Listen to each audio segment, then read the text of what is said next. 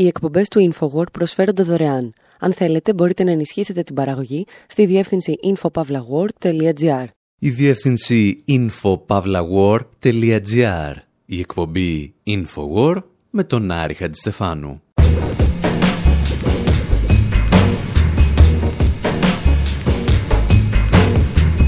όπου σήμερα ξεφυλίζουμε μαζί σας το τελευταίο βιβλίο του Πάσχου Μανδραβέλη με τίτλο «Τα έξυπνα τα λόγια τα μεγάλα» και το βρίσκουμε γεμάτο λάθη και fake news. Για την ακρίβεια, δεν βρίσκουμε ψευδείς ειδήσεις, αλλά ψευδείς ρίσεις. Υποστηρίζουμε ότι ο Αϊνστάιν, ο Γκάντι, ο Λίνκολν και ο Τσόρτσιλ δεν είπαν ποτέ τις φράσεις που τους αποδίδονται στο βιβλίο. Διαβάζουμε έρευνες για αυτούς που χρησιμοποιούν συχνά ξένα ρητά και ανησυχούμε για το μέλλον του ελληνικού τύπου. Ανακρίνουμε τον Μάρλεϊ και τον Ντίλαν για να μας πούν γιατί διασπείρουν και αυτοί ψευδείς ειδήσεις. Και θυμόμαστε μερικές κουβέντες που είχαμε πει πριν από χρόνια για ψεύτικα ρητά, χωρίς όπως φαίνεται κάποιοι να μας δώσουν και πολύ μεγάλη σημασία. Raw shit, hardcore, yes, live, we wait us back again. Raw shit, hardcore, radio, hard truth soldier radio. Raw shit, hardcore, hip hop. Where you either with us or you against us. Hardcore, dogs of the world unite.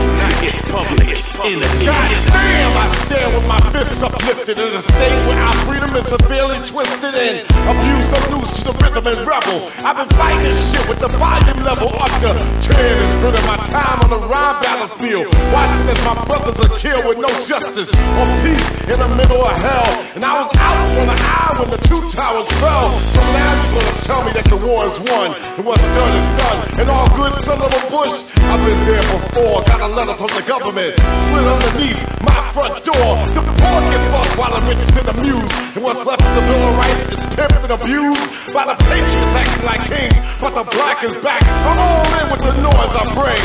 Yeah, that's right. Public enemy number one in New York. Public enemy number one in Chicago. Public enemy number one in Detroit. Public enemy number one in Oakland. Public enemy number one in Baltimore. Public enemy number one in Miami. Public enemy number one in Indiana. Also public enemy number one in LA. Boy. Ask yourself why we just get by.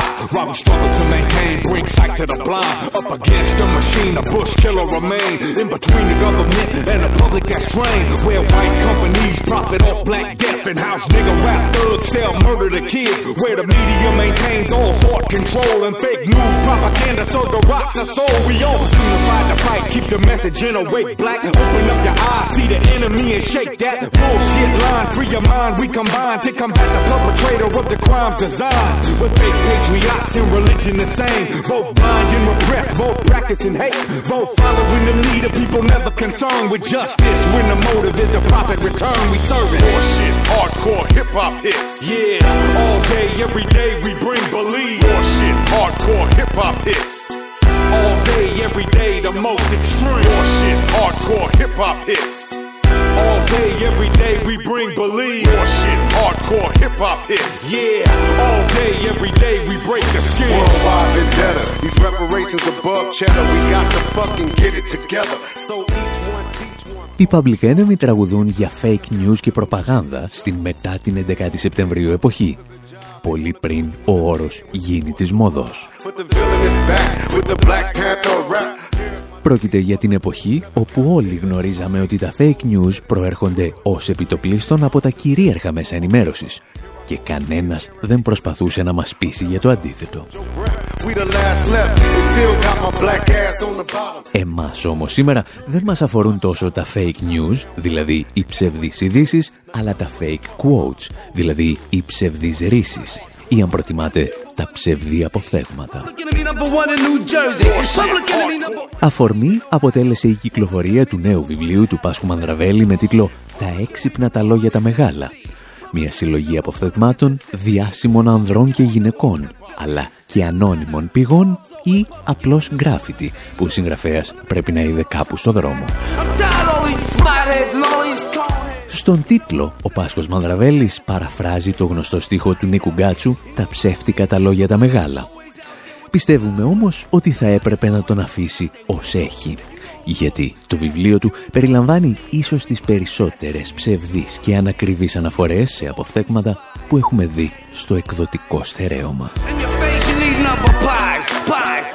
Ξεκινήσαμε την έρευνά μας από τις φράσεις των διασημότερων προσωπικότητων που παραθέτει και με ένα πρώτο ξεφύλισμα εντοπίσαμε δύο αμφισβητούμενες ή ψευδείς φράσεις από τον Αϊνστάιν, τρεις από τον Γκάντι, δύο από τον Λίνκολ, τρεις από τον Τσόρτσιλ, μία από τον Κίσιγκερ και άλλα πολλά. Εσείς θα βρείτε όλα τα fake quotes που εντοπίσαμε στη διεύθυνση info.pavlawar.gr γιατί εμείς σήμερα θέλουμε να μιλήσουμε γενικότερα για την ιστορία των ψευδών ρίσεων.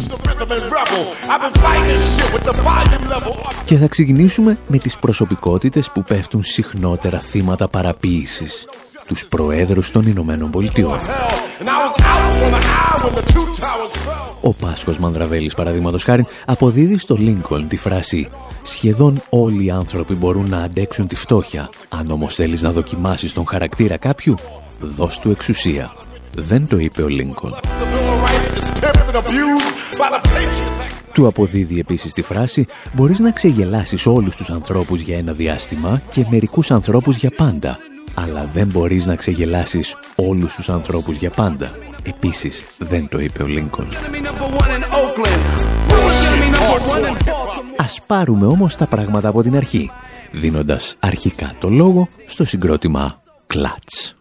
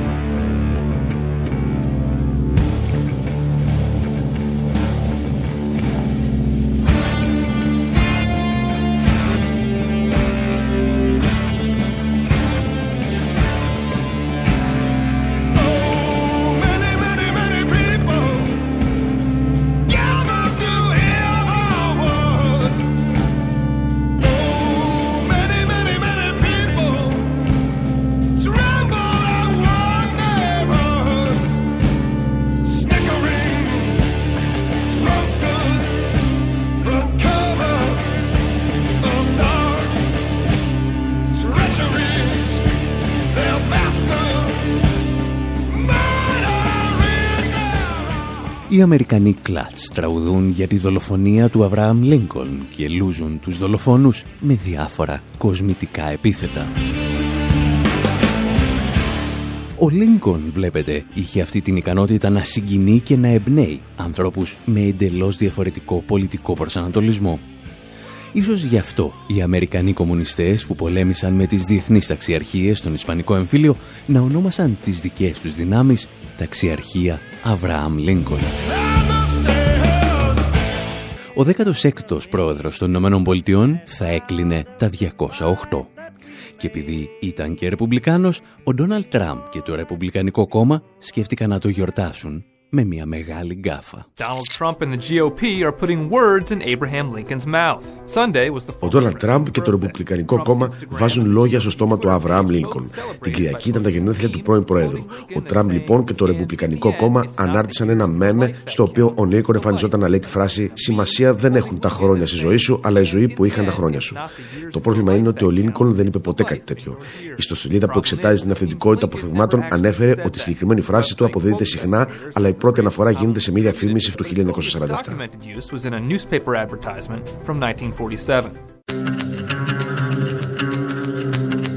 Όπως ήταν αναμενόμενο, το Twitter ξεσάλωσε με το λάθος του Τραμπ, όπως έκαναν και τα κυρίαρχα μέσα ενημέρωσης, που εντόπισαν άλλο ένα ψέμα στα λεγόμενα του νέου Αμερικανού Προέδρου.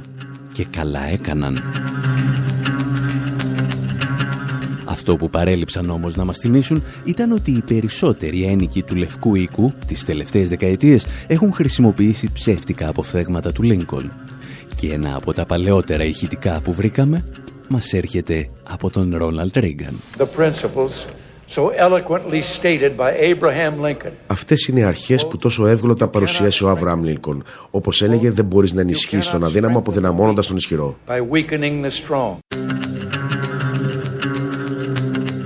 Φράση που χρησιμοποιεί ο Ρίγκαν είναι βέβαια απόλυτα συμβατή με την νεοφιλελεύθερη κοσμοθεωρία του. Το πρόβλημα και σε αυτή την περίπτωση είναι ότι ο Λίνκολν δεν είπε ποτέ κάτι τέτοιο. Όπως δεν είπε και όσα του έβαζε στο στόμα ο Μπαράκ Ομπάμα. Πέτυχα αυτό το απόφυγμα του Αβραάμ Λίνκολν. Δεν είμαι προορισμένος να κερδίσω. Είμαι προορισμένος να είμαι αληθινός. Ο πρόεδρος όμως που ξεπέρασε τον εαυτό του με αποφθέγματα του Λίνκολν ήταν ο Μπιλ Κλίντον, ο οποίος μας μετέφερε το παρακάτω ψεύτικο ρητό. Μπορείς να κοροϊδεύεις όλους τους ανθρώπους για κάποιο διάστημα και μπορείς να κοροϊδεύεις κάποιους ανθρώπους για πάντα, αλλά δεν μπορείς να κοροϊδεύεις όλους τους ανθρώπους για πάντα. Και αν κάτι σας θυμίζει αυτό, θα σας βοηθήσουμε να το εντοπίσετε με το παρακάτω ηχητικό. Mr. Lincoln once said that you can fool all of the people some of the time. And you can fool some of the people all of the time, but you cannot fool all of the people all the time. You can fool some people sometimes, but you can't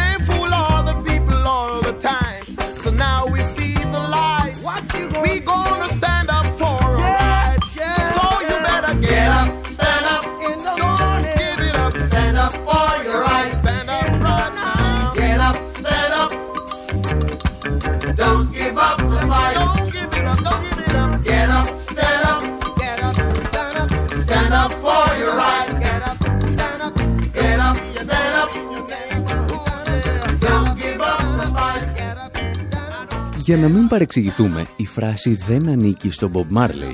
Κουβαλά πάνω της ιστορία αρκετών αιώνων, αφού σύμφωνα με μία εκδοχή υπόθηκε για πρώτη φορά από τον Γάλλο προτεστάντη Ζάκα Μπαντιέ το 1684. Πρέπει επίσης να πούμε ότι εκτός από τον Bill Clinton την είχε πατήσει αρκετά χρόνια νωρίτερα και ο νομπελίστας λογοτέχνης Bob Dylan στο τραγούδι του Talking World War III Blues. Τον ακούμε λίγο και επιστρέφουμε για να διαπιστώσουμε ότι το να παραφράζεις αποφθέγματα ιστορικών προσωπικότητων δεν είναι πάντα τόσο αθώο όσο πιστεύουν ορισμένοι. Είναι συνήθως μια πράξη βαθιά πολιτική.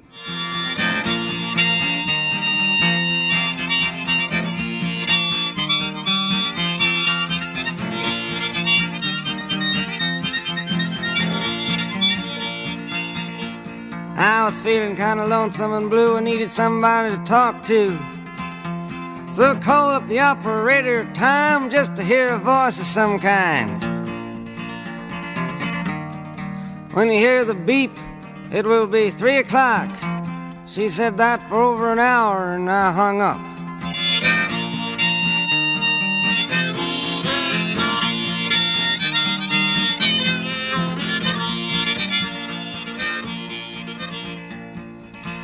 Well, the doctor interrupted me just about then, saying, Hey, I've been having the same old dreams. But mine was a little different, you see. I dreamed the only person left after the war was me. I didn't see you around.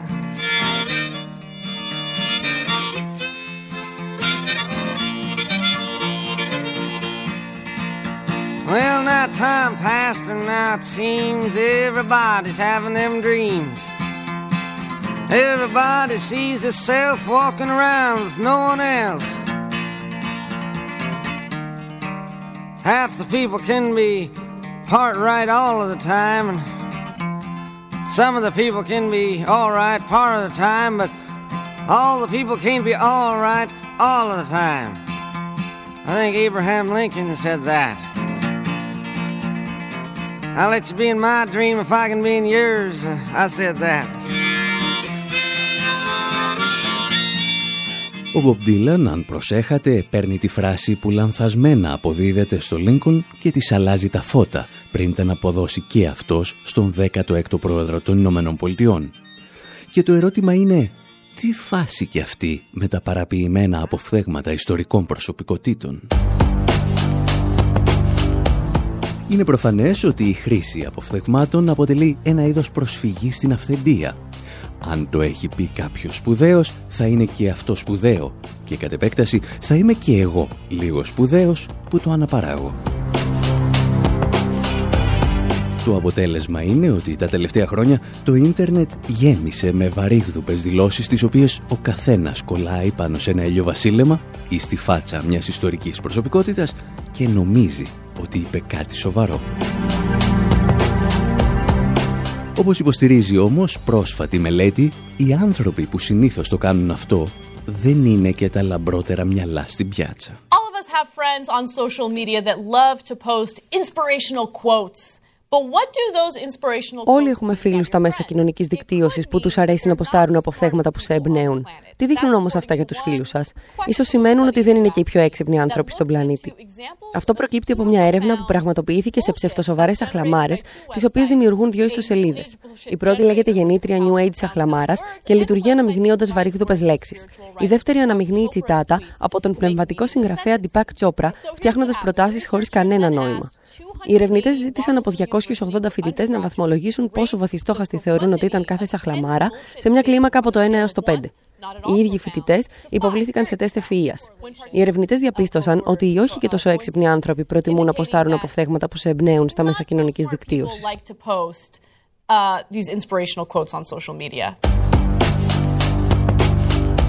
Η ίδια μελέτη υποστηρίζει ότι όσοι ποστάρουν τέτοιες σαχλαμάρες είναι συχνότερα θρησκευόμενοι και πείθονται πιο εύκολα από θεωρίες συνωμοσία.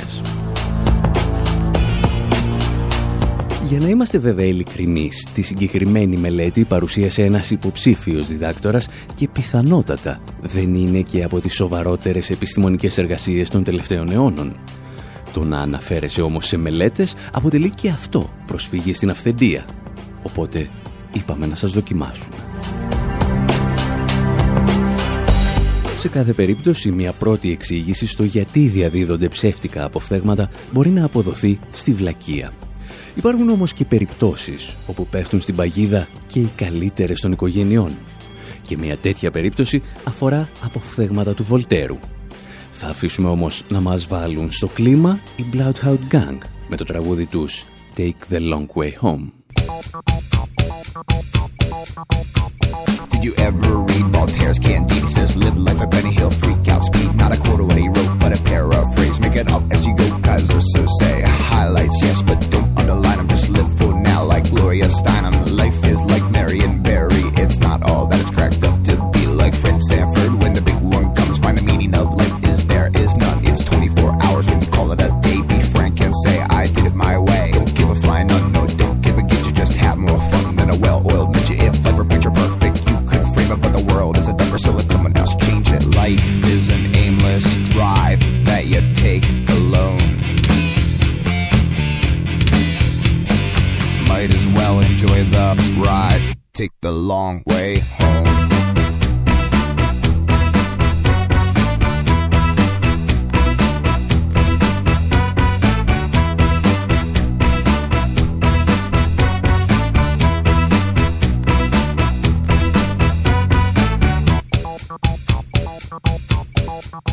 Οι Bloodhound Gang υποστηρίζουν πως όταν επιστρέφουμε σπίτι μας είναι καλό να ακολουθούμε τη μεγαλύτερη δυνατή διαδρομή και το κάνουν μέσα από το άλμπουμ τους Hooray for Boobies.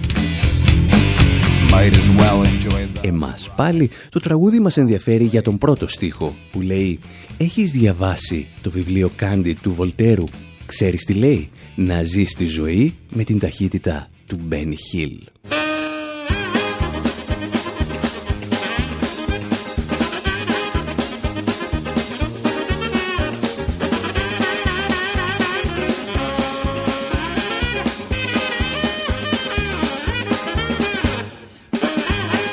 Σε περίπτωση που έχετε και την παραμικρή υποψία ότι ο Βολτέρος μπορεί πράγματι να είπε να ζεις τη ζωή σου με την ταχύτητα του Μπένι Χιλ, μάλλον ανήκετε στο δείγμα της προηγούμενης έρευνας.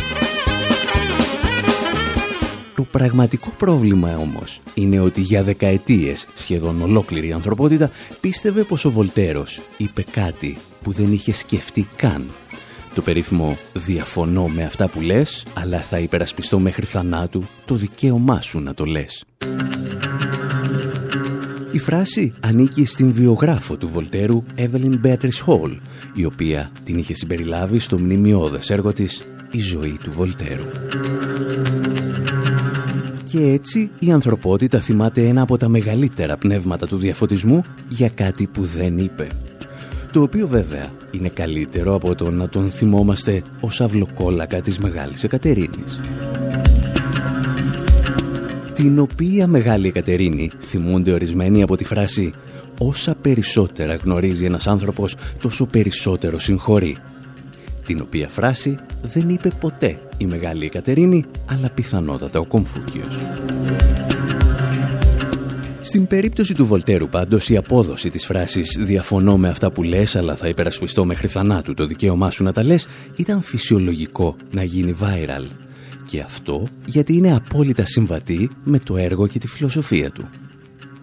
Και όταν μια φράση ξεχυθεί εκεί έξω, όλοι κόβουν το κεφάλι τους ότι σχεδόν την έχουν ακούσει. Όπως συμβαίνει και με φράσεις ταινιών. Στην Καζαμπλάνκα, λόγου χάρη, ποτέ κανένας δεν είπε Play it again, Sam. Είπαν Play it, Sam. Play it once, Sam. For all time's sake. I don't know what you mean, Miss Elsa. Play it, Sam. Play as time goes by. You must remember this. Αυτές βέβαια είναι αθώες παρεξηγήσεις. Τι γίνεται όμως όταν αρχίζεις και βάζεις περίεργα ρητά στα στόματα ανθρώπων όπως ο Αϊνστάιν, ο Τσόρτσιλ ή ο Γκάντι; Εκεί αρχίζει συνήθως το σκληρό πολιτικό παιχνίδι, το οποίο θα δούμε στο δεύτερο μέρος της εκπομπής. Εσείς να θυμάστε ότι υπάρχουμε και στο ίντερνετ, μαζί με όλες τις εκπομπές μας. Εκεί θα μας βρείτε στη διεύθυνση infopavlawar.gr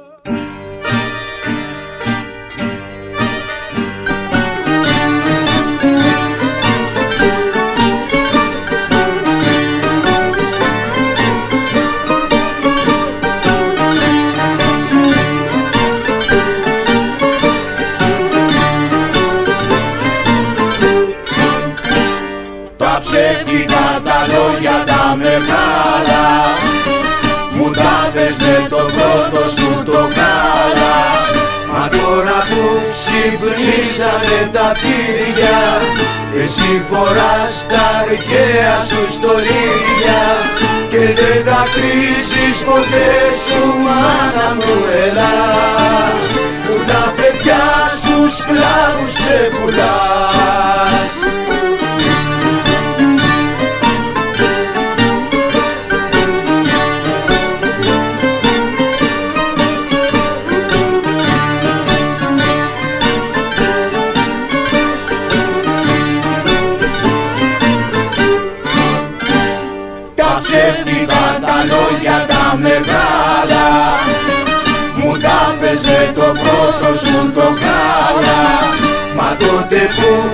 στη μοίρα μου μιλούσα Είχες ντυθεί τα αρχαία σου τα λούσα Και στο παζάρι με πήρες γύφτησα μαϊμού Ελλάδα, Ελλάδα, μάνα του καημού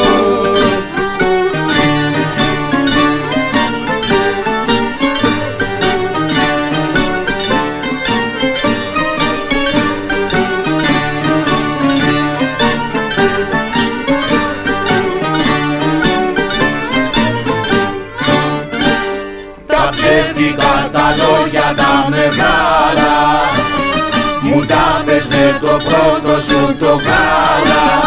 Μα τώρα που η φωτιά φουντώνει πάλι Εσύ κοιτάς τα αρχαία σου τα κάλλη Και στις αρένες του κόσμου μάνα μου ελάς. Το ίδιο ψέμα πάντα κουβαλάς. Και στις αρένες του κόσμου μάνα μου ελάς. Το ίδιο ψέμα Οι εκπομπές του InfoWord προσφέρονται δωρεάν. Αν θέλετε, μπορείτε να ενισχύσετε την παραγωγή στη διεύθυνση infopavlagor.gr.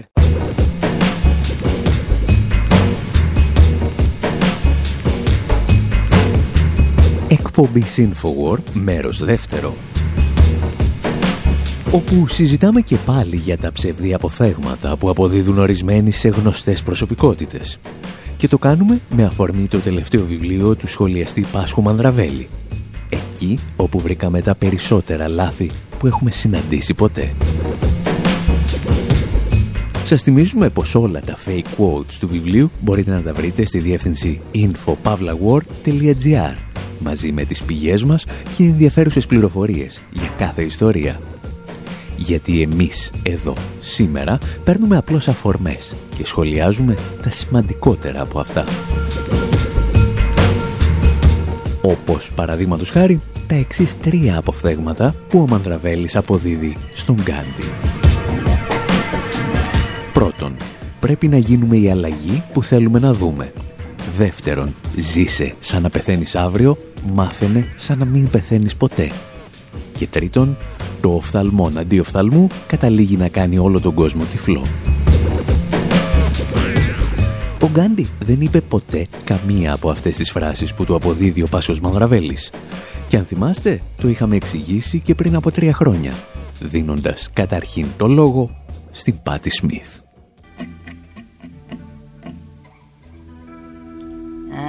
And a dream, Mr. King, if you'll beg my pardon, I was trespassing the sacred garden, and the blossoms fell, and they dropped like candy and need you cried Gandhi Gandhi. And need you cried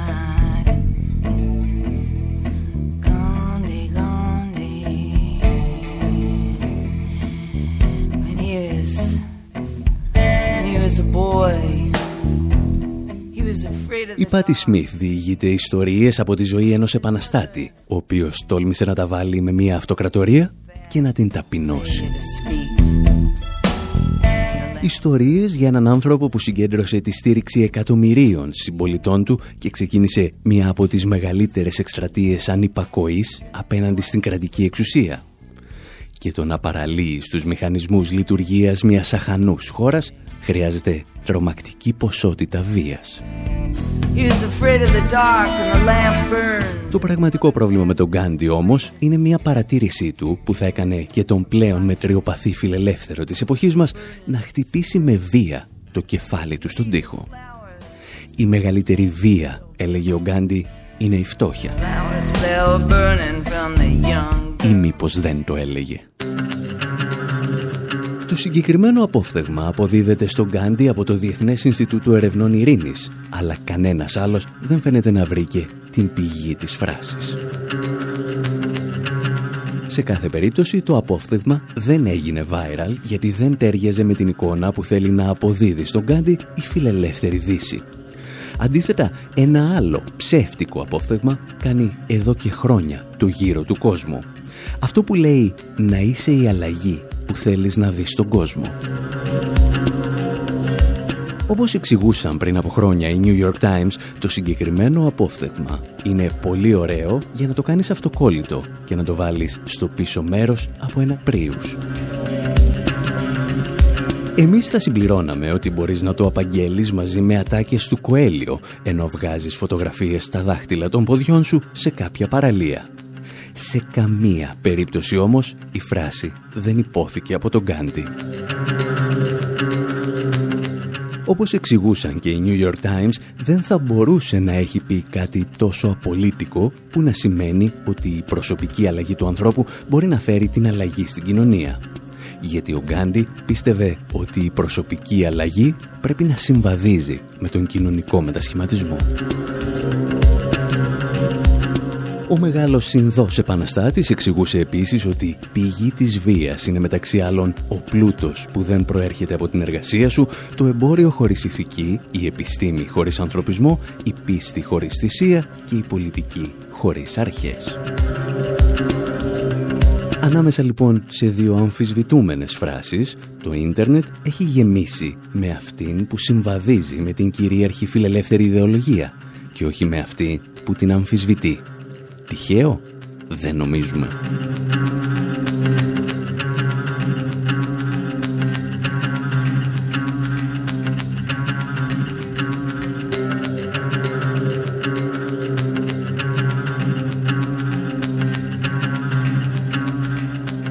Ο Πάσχος Μανδραβέλης λοιπόν μας μεταφέρει στο βιβλίο του όχι μία, ούτε δύο, αλλά τρεις ψευδείς ατάκες του Γκάντι. Το ίδιο όμως κάνει και για τον Winston Churchill. Αυτόν που οι Χατζιφραγκέτα θα αποκαλούσαν τον Master Ninja της καλύτερης ατάκας. Στο βιβλίο υπάρχει η εξής στοιχομηθεία. Λέδι Άστορ. Αν ήσασταν σύζυγός μου θα σας έριχνα δηλητήριο στον καφέ. Τσόρτσιλ. Αν ήσασταν σύζυγός μου θα τον έπινα πανέξυπνη ομολογουμένος ατάκα, η οποία δεν ανήκει κατά τα φαινόμενα στον Τσόρτσιλ. Αυτό το εξετάζουμε όμως στο site μας infopavlawar.gr γιατί εδώ θέλουμε να πούμε μερικές πιο σημαντικές κουβεντούλες για τον κύριο Τσόρτσιλ. Well, Mr. Churchill said, Mr. Churchill said, we gotta fight the bloody battle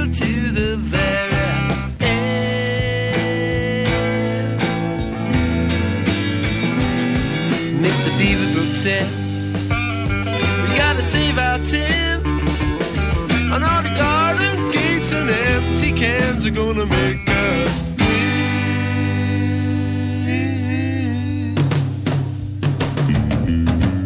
We shall defend our island on the land and on the sea. We shall fight them on the beaches, on the hills and in the field. We shall fight them in the streets.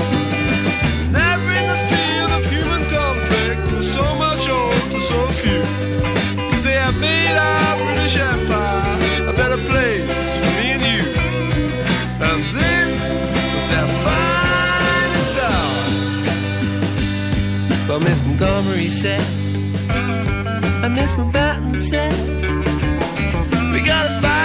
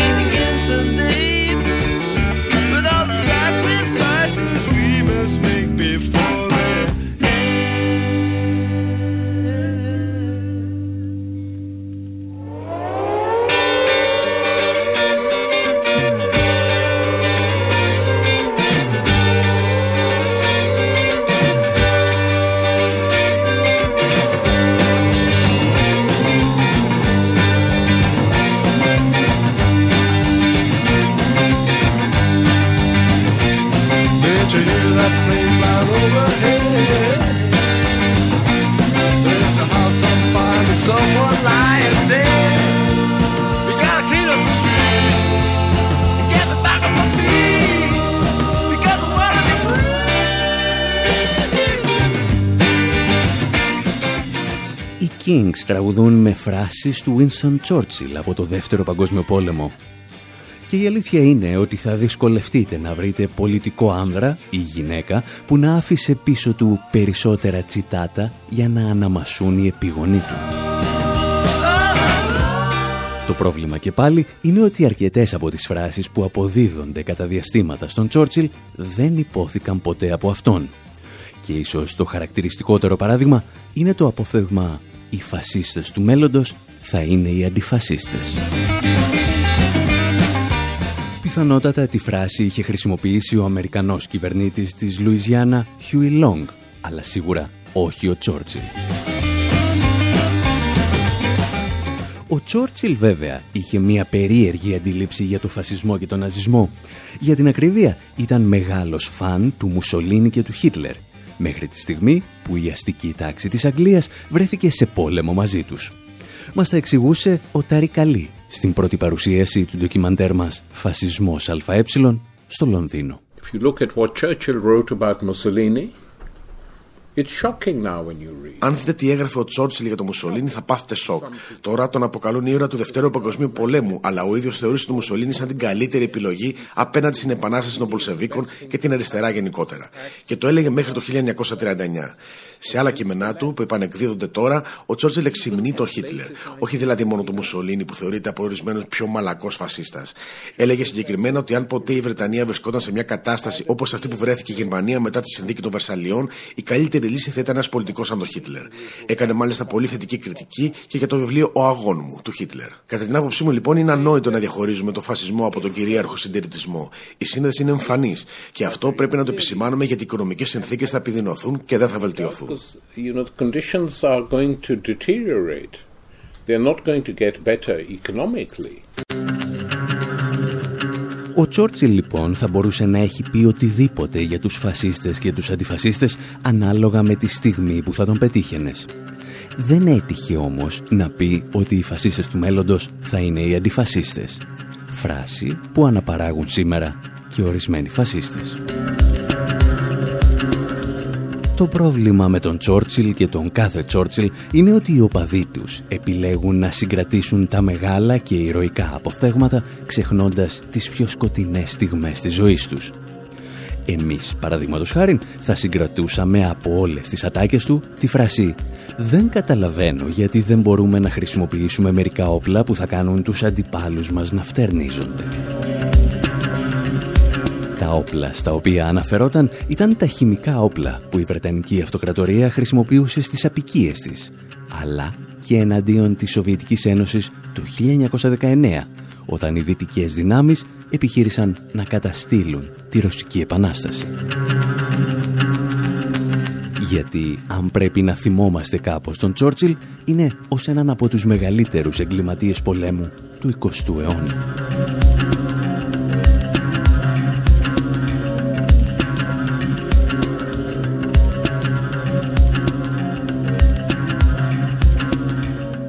Πάσχος Μανδραβέλης λοιπόν πέρασε με ελαφρές μόνο αμυχές την ανάμιξή του με τα αποφθέγματα του Τσόρτσιλ.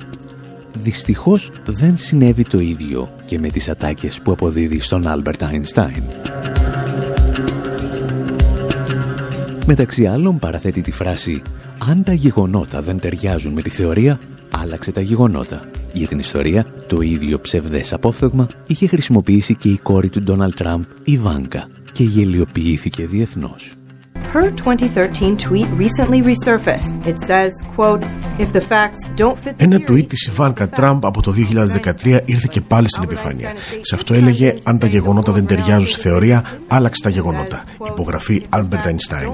Το Ίδρυμα Albert Einstein όμως παρενέβη λέγοντας ότι ο διάσημος φυσικός δεν είπε ποτέ κάτι τέτοιο.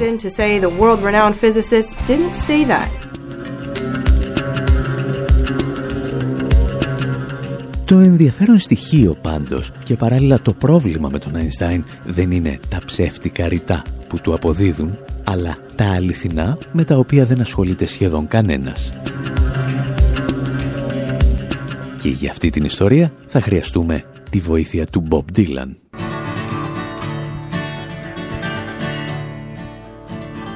Einstein disguised as Robin Hood his memories in a trunk Passed this way an hour ago with his friend, some jealous monk. Now he looked so immaculately frightful as he bummed his cigarette. Then he went off sniffing drain pipes and reciting the alphabet. You would not think to look at him, but he was famous long ago for playing the electric violin on Desolation Road.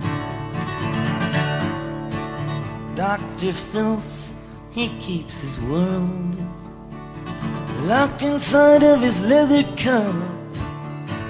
But all his sexless patients, they're trying to blow it up. His nurse, some local loser, she's in charge of the cyanide hole. She also keeps the cards that read, Have mercy on his soul. They all play on the penny whistle. You can hear them blow Ο Μπομπ Ντίλαν τραγουδά για τον Αϊνστάιν, τον οποίο φαντάζεται εντυμένο ρομπέν των δασών στο τραγούδι του Desolation Row. Στην πραγματικότητα, ο Αϊνστάιν του Ντίλαν είναι μια σκιά του εαυτού του. Ένα σαλίτης που τριγυρίζει στους δρόμους προσπαθώντας να θυμηθεί, λέει, την αλφαβήτα. Και επειδή η συγκεκριμένη εκτέλεση μπορεί να σας βαραίνει λίγο, σας έχουμε και τη διασκευή των My Chemical Romance. Ξυπνήστε λίγο και επανερχόμαστε.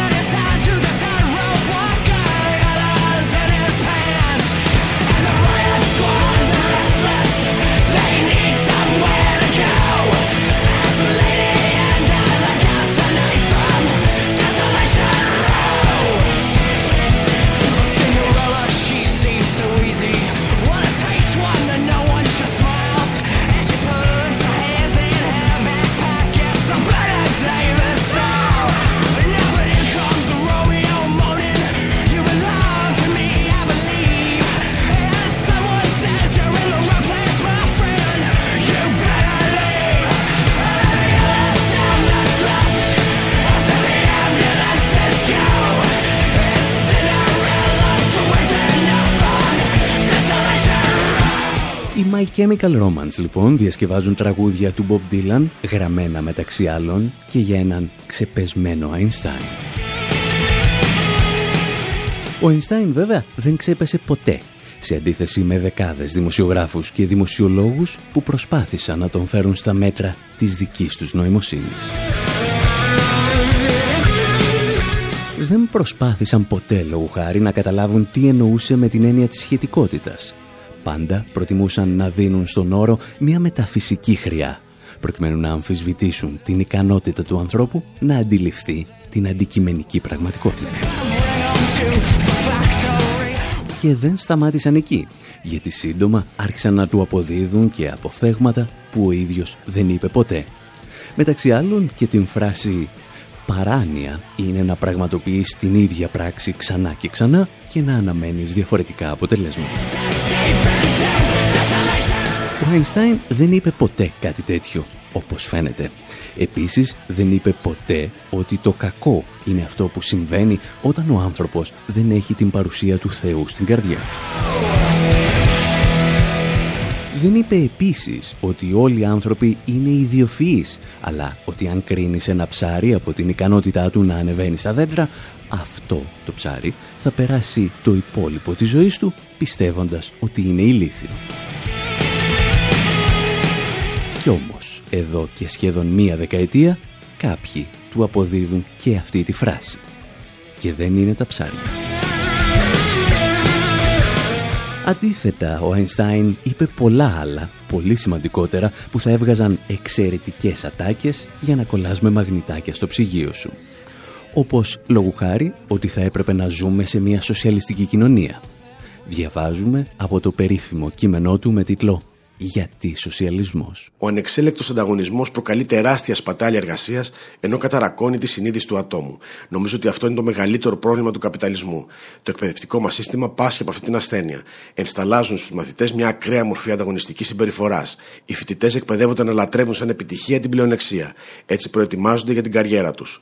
Είμαι πεπισμένος ότι ο μόνος τρόπος για να ξεπεράσουμε αυτή τη φαυλότητα είναι η δημιουργία μιας σοσιαλιστικής οικονομίας σε συνδυασμό με ένα εκπαιδευτικό σύστημα που θα εξυπηρετεί κοινωνικές ανάγκες.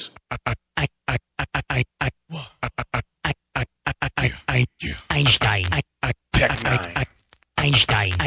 Tech Nine. Two style. Midwest side. Tech Nine. The anthem, nigga. Like this.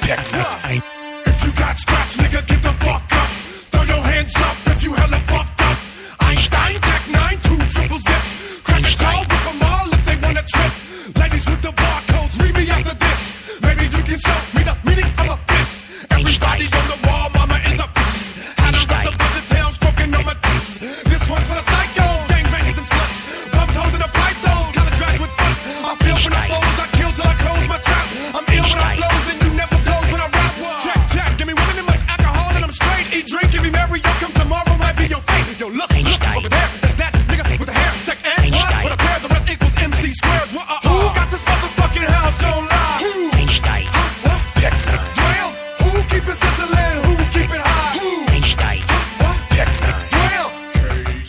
Οι ανύπαρκτες ατάκες του Einstein και του Γκάντι λοιπόν γίνονται viral στα μέσα κοινωνικής δικτύωσης.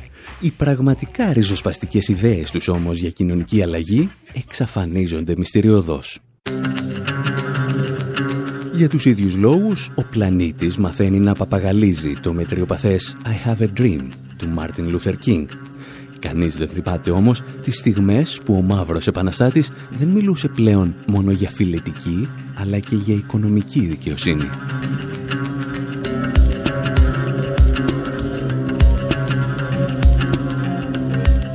Εμείς πάντως τερματίζουμε κάπου εδώ το αφιέρωμά μας στα ψεύτικα αποφθέγματα. Είμαστε σίγουροι ότι έχουμε υποπέσει και εμείς αρκετές φορές σε παρόμοιες παγίδες. Αλλά πιστέψτε μας, δεν το κάναμε επίτηδες. Μέχρι λοιπόν τα επόμενα λάθη μας την άλλη εβδομάδα, από τον Άρη Χατζηστεφάνου στο μικρόφωνο και τον Δημήτρη Σαδόπουλο στην τεχνική επιμέλεια, γεια σας και χαρά σας.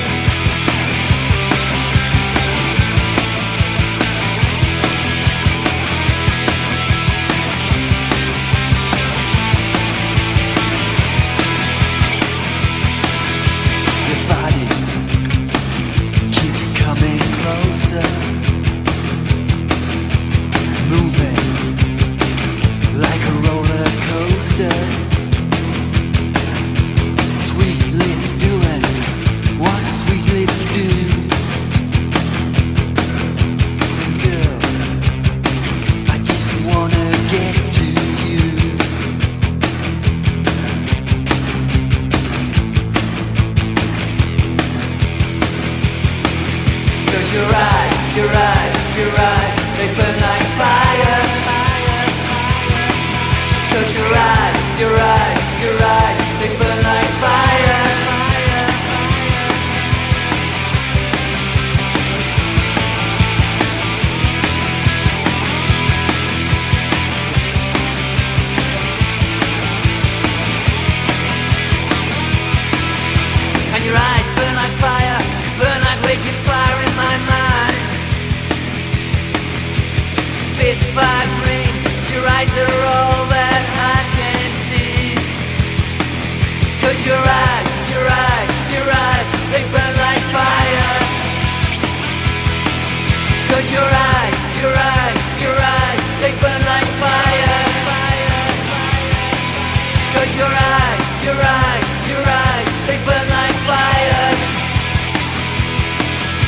Your eyes